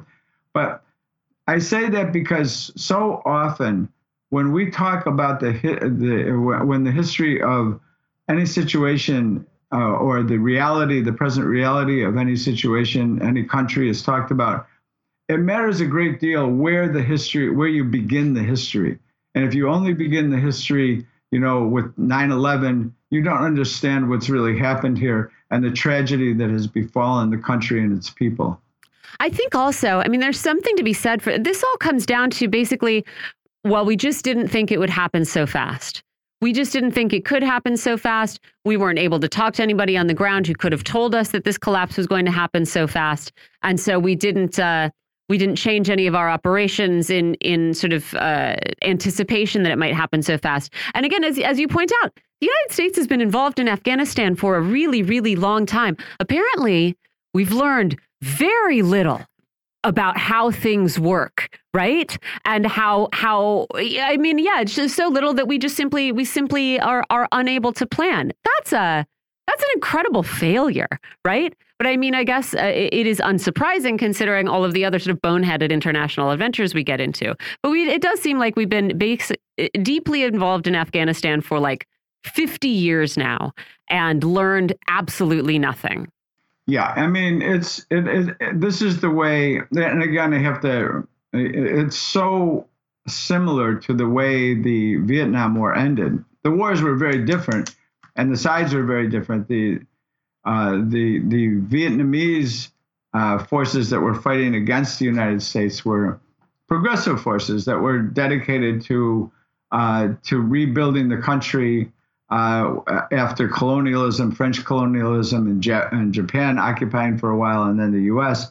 Um, that was a different that was different in that respect, very very different. But in terms of the way it ended, you know, that's the. I can remember in the early '70s the same things. You know, like the shock at the way the Vietnam War ended in the ruling circles in the United States was palpable. And you know, and and he, so this time around, it's it, it, doesn't seem like that much of a surprise, uh, but it's it's it's really a shocking. Uh, it was a great shock to the people of Afghanistan and to those who had somehow tied their fortunes as interpreters or or uh, in, in whatever respect working for the U.S. forces in the country, of which there were tens of thousands, if not hundreds of thousands. Uh, it, it, was a shocking ending for them, but um, you know, it's it's not shocking. It's the way that you know revolutionary wars or wars against the colonial power uh, come to an end very often. Just one last question on this, and that is how powerful politically it remains for the Biden administration. Because this, of course, was dropped on a on a Friday afternoon. It doesn't seem to have generated a lot of waves. I don't think there's anything, you know, deeply shocking in the report itself. For a while, the Afghanistan withdrawal was something that um, the you know President Biden's opponents were were using against him. That seems to have sort of fallen by the wayside, and it does seem like everybody just wants to forget that entire two decade adventure in Afghanistan to the extent that it just feels like this isn't particularly potent anymore either. And I wanted to get your thoughts. Well, in Washington, when reports are, are released on Friday, you know that that uh, whoever is doing that is trying to bury it uh, or the administration as a whole, you know, the top administration, the Blinken and Biden and so forth, that that they want that they don't want to pay too much attention to this because, you know, it's like it's a disaster. It's a it's a it's a disaster. Uh, what's happened to the people of Afghanistan first and foremost is the disaster, but it, it was another you know it was another defeat, and uh, the U.S. has this vast military but it's been unable to win wars and has, has lost wars uh, in, in recent history. It's caused a great deal of destruction in, in large parts of the world. But, um, you know, the I, I, I, just think that the uh, the the way that it, it, it, came to it, the, the, the way this report came out uh, is, you know, let's just forget about this and move on. And of course, I think what the U.S. is really doing is drawing down right now the Biden administration, uh, Blinken, Sullivan, the rest of them. Their strategy is to draw down uh, in Central Asia and West Asia in favor of building up in East Asia, what they call the pivot to Asian. They really mean the the the uh, preparing for war against China. Yes. Uh, but in order to do that, they have to they have to cut in other areas. Yeah. All right, let's talk about the the end of this operation in Jenin. Israel announced this morning that it had ended its operation. And uh, during the withdrawal from this city slash refugee camp, an Israeli soldier was killed. It's unclear whether he was killed by Palestinians or by friendly fire. He, of course, joins uh, uh, a number of Palestinians who were killed. Israel says it killed 18 terrorists. Palestinians say 12 or 13 have been killed, four of them under 18, 100 at least wounded. Roads and buildings in the parts of the camp are in rubble, you know, cars crushed, power lines severed, water lines severed. And I wonder, you know, I, wonder what was accomplished here and whether, you know, we should take Israel at its word that it had uh, done what it wanted and is leaving victorious, I guess, or uh, that Israel backed down and was was forced out? Mm-hmm. Well, I mean, just to start with the word terrorist. It, yes. It wasn't Jenin that attacked um, an Israeli city or activists from Jenin. Mm-hmm. It was a massive military operation. Here's how big Jenin. I've been at, I've been at Jenin a couple of times. The last time was a it was in 2002, in May of 2002, after the Israelis uh, reoccupied the cities of the West Bank and Gaza in, in the second Intifada. The, the camp itself is a, a quarter mile, square mile. Oh. It's tiny. 17,000 people live in the camp. In 2002, uh, it, it, has to be remembered that in, at the end of April, when there was heavy fighting going on all over, uh, the Israelis moved in. There was a bulldozer driver who became well known, famous because he said for 72 straight hours, taking uh, pills and drinking, he continued to destroy the buildings in the refugee camp with a Caterpillar traffic, a big Caterpillar armored tractor uh, or, or uh, bulldozer. And he was very happy. He bragged about it. He said he would have done it for free. You know, he, he was so happy about doing this.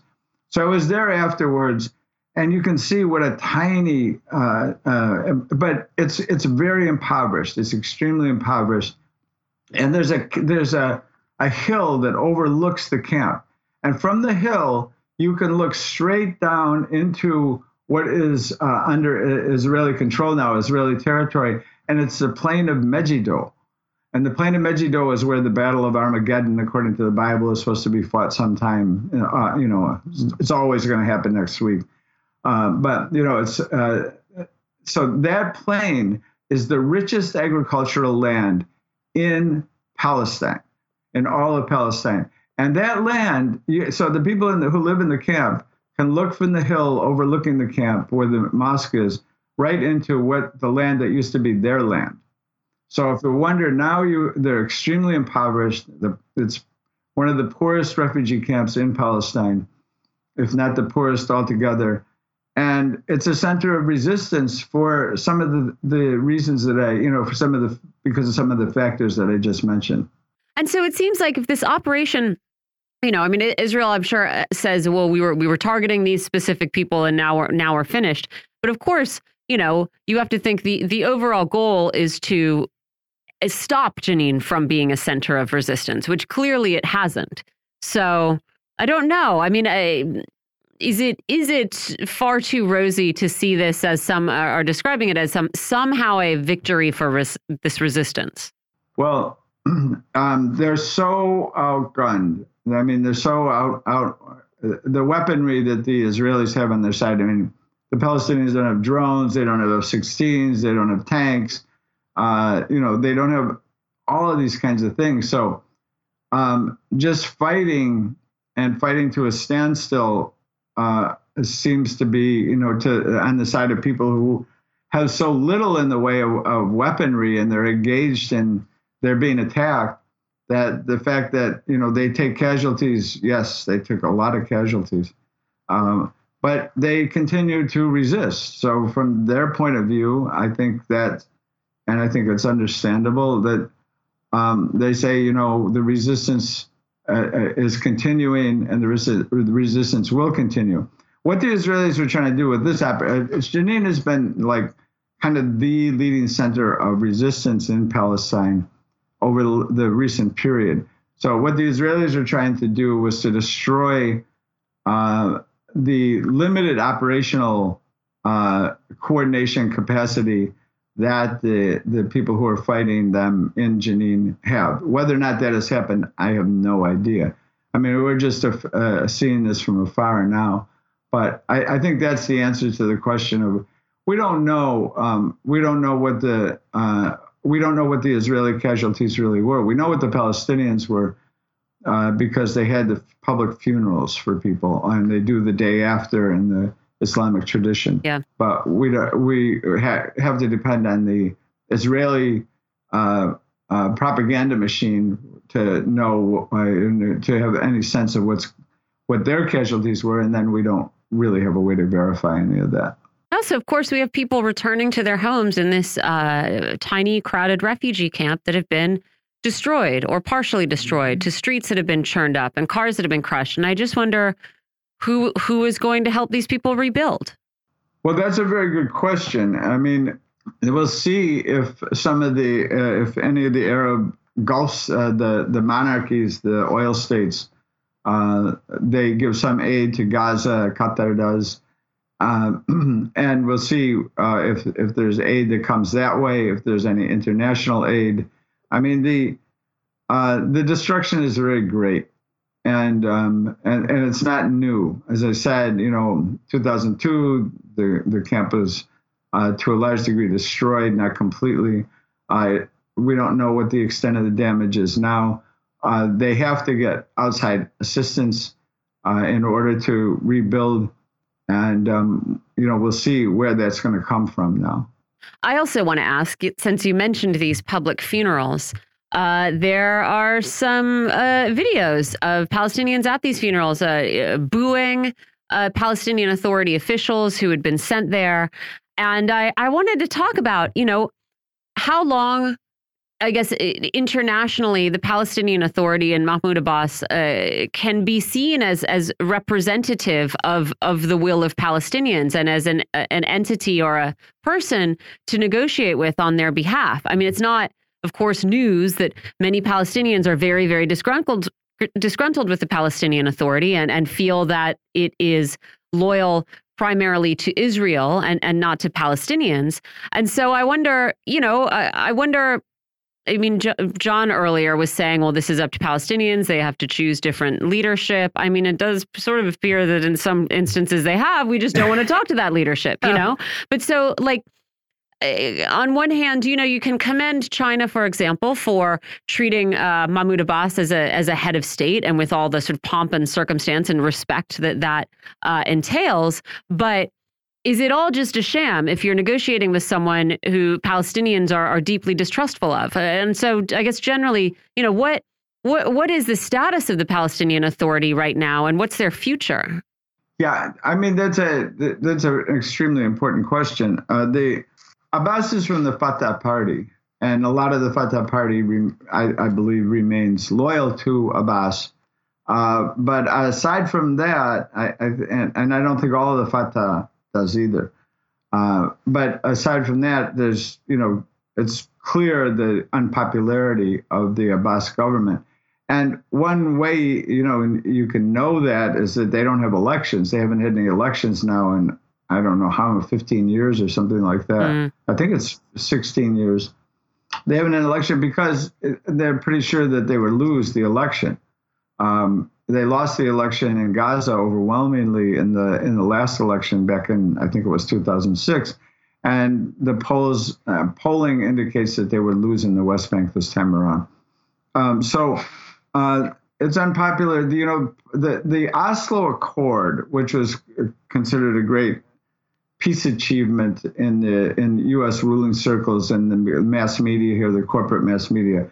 But it really part of it, a, key part of it was that the U.S. would would uh, fund the Palestinian Authority and uh, and and uh, continue to do so and uh, and uh, urge others to do so if the Palestinian Authority's intelligence services and uh, security forces would damp down resistance, you know, actual resistance, and particularly armed resistance uh, to the Israeli occupation, which is, of course, just to say again, a completely illegal, a criminal, uh, a criminal occupation that continues to go on in an Afghan in, in a state that is really an apartheid state.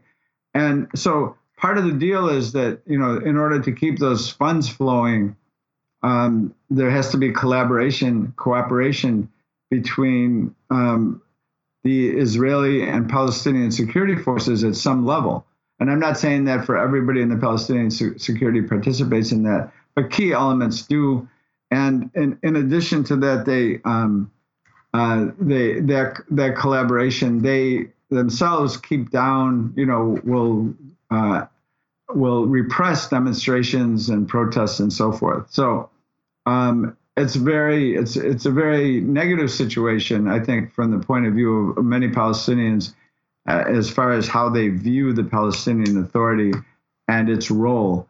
Uh, and clearly you know you see in jenin which is a center of of uh, resistance uh, the showing up of the of, uh, representative of the palestinian authority was not welcome. Yeah it's just bizarre to have a that that's the entity that's sort of the international face right the, the sort of recognized spokesperson for palestinians when you know the the people who they uh, tend to support more are Hamas, right, or Palestinian Islamic Jihad, who's not not going to be, uh, you know, talking to, you know, just engaging in international uh, negotiations anytime soon.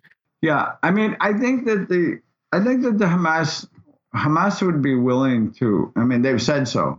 Hamas Right. says they're willing to to enter into negotiations and even to have a 50-year ceasefire. That was a position that Hamas has taken in the past. So it's not that they completely reject any negotiations, uh, but they reject the what the conditions are now. The last time there was really serious negotiations, which is back, I mean, in 2014, they say, but really it was at the end of the 2007, 2008, or around that time. Uh, one uh, uh, advisor to the Palestinian Authority at that time talked about the negotiations, and he said it's like uh, two sides are are arguing over how to divide a pizza while one side eats it Right. and you know that's and that's the reality of what's going on so it's not the negotiations have not been real negotiations and the US which pre- pretends the US government which has pretended to be the honest broker was not the honest broker. It's the US and Israel against the Palestinians. And that's been clearly documented uh, numerous times over. I want to ask with our last couple of minutes uh, what you think comes next for uh, other towns in the West Bank and also what is coming for Gaza, because I see reports on that operation concluding that, uh, you know, with, with Jenin finished, uh, now it's it's time to focus on Gaza. So what, what should people be anticipating? Well, that's a very interesting statement. And, you know, uh, we have to remember that the people who are now really, really directing the, the Israeli government, and that is, I think, the fascists, Smotrich and Ben-Gvir, and the other extreme right wing and uh, perhaps fascists themselves, they their their dedication is to crushing the Palestinians and to driving out the Palestinian population. That's what they want to do and they want to carry out a massive operation. Uh, th- they've been calling for this operation that just took place in Jenin for a, a huge operation, as the as they themselves called it, and they want a huge operation against Gaza. They want to smash the Palestinian resistance with uh, whatever violence it takes. I don't think they're going to succeed in doing that, but it's it's really something that they're mentioning Gaza again. And one of the one of the uh, kind of uh, foundations of U.S. Pol- of, excuse me of Israeli policy backed by the U.S. against the Palestinians is something they cynically and, in a racist way call mowing the lawn. Mhm. That is a, to reduce the capacity of Palestinian resistance from time to time uh, with whatever pretext they want to have. Uh, but the Palestinians keep resisting, so people are killed, buildings are destroyed, infrastructure is destroyed over and over and over again. People lose their homes, they lose their cars. I mean, it's just like this constant um, uh, violence that goes on against the Palestinians in in the interest of holding down their resistance. That was author Richard Becker. He's also West Coast coordinator of the ANSWER Coalition. Richard, thanks so much for joining us. I really appreciate it. Thank you. John, we've got like two minutes left, Oh my gosh, I guess we do. and I just have to tell you about shark attacks. Have you seen that there are a bunch of shark attacks in New York over Yes. the holiday weekend? Yeah, two swimmers attacked on. Tuesday, two others attacked on Monday. Uh, drones spotted 50 sand sharks at a beach near near what I'm told is a popular beach uh, park. So Jaws is immediately what I wasn't that Fourth of July weekend? Oh, yeah. Is the centerpiece, the central point of tension in Jaws? oh yeah. yes. Yeah. Yeah. How do you feel about sharks? Irrationally scared or No. uh, normal response? No, normal normal response. Okay. Yeah, I've caught a couple. What? You know, fishing. In your bare Uh-huh. hands? No. I've actually got a couple of pictures on my phone. oh. Mhm. What, what kind of sharks? Little guys? Yeah, little guys. A uh, couple of feet, two you, feet long. Did you throw them back? Oh, absolutely. You can't eat sharks. I mean, there's shark fin soup, but that's just cruel. Yeah. People cut the fin off and throw the shark back in, and it can't swim anywhere and it dies. Yeah, it's just a horrible, horrible Yeah. thought. Uh, I'm going to say I'm uh, irrationally afraid of sharks. Are you really? I will go in the water, but I do like to. I get start to get on. I grew up on beaches that have a lot of sharks, Yeah. right? With a lot of shark attacks. Yeah. So I feel more comfortable if somebody is out further than me Right. to be the shark uh, appetizer and I can swim away. And yeah, I don't really like. I mean, if I'm in like New Smyrna Beach in Florida, which is I think the shark attack capital of the United States, That's right. I don't like to be out in water that I I like swimming in deep water, Yeah. but it sort of freaks me out. And they'll and I come in recognize that this is irrational. I'm not going to try to talk anybody into uh, into being afraid of sharks. I I know all the statistics about who's more likely to kill you, a shark or a pig, but I just Oh, I'll tell in my you, head. I, I was swimming in the Red Sea once off the coast of uh, of Sharm el Sheikh in the south of the Sinai Peninsula, and I was snorkeling, and I looked down and saw a nine foot long bull shark, and it was looking up at me, and I was looking down at it, and I stayed up on the high part, and it stayed on the low part, Yeah. and never the two met. now I will say whale sharks exception. Great. Happy to be in the ocean with whale sharks. They're cool. Yes. Yeah. All right. Well, we've settled that then. Whale sharks cool. The rest of them dodgy. Thanks for listening, everybody. We'll be back on Thursday.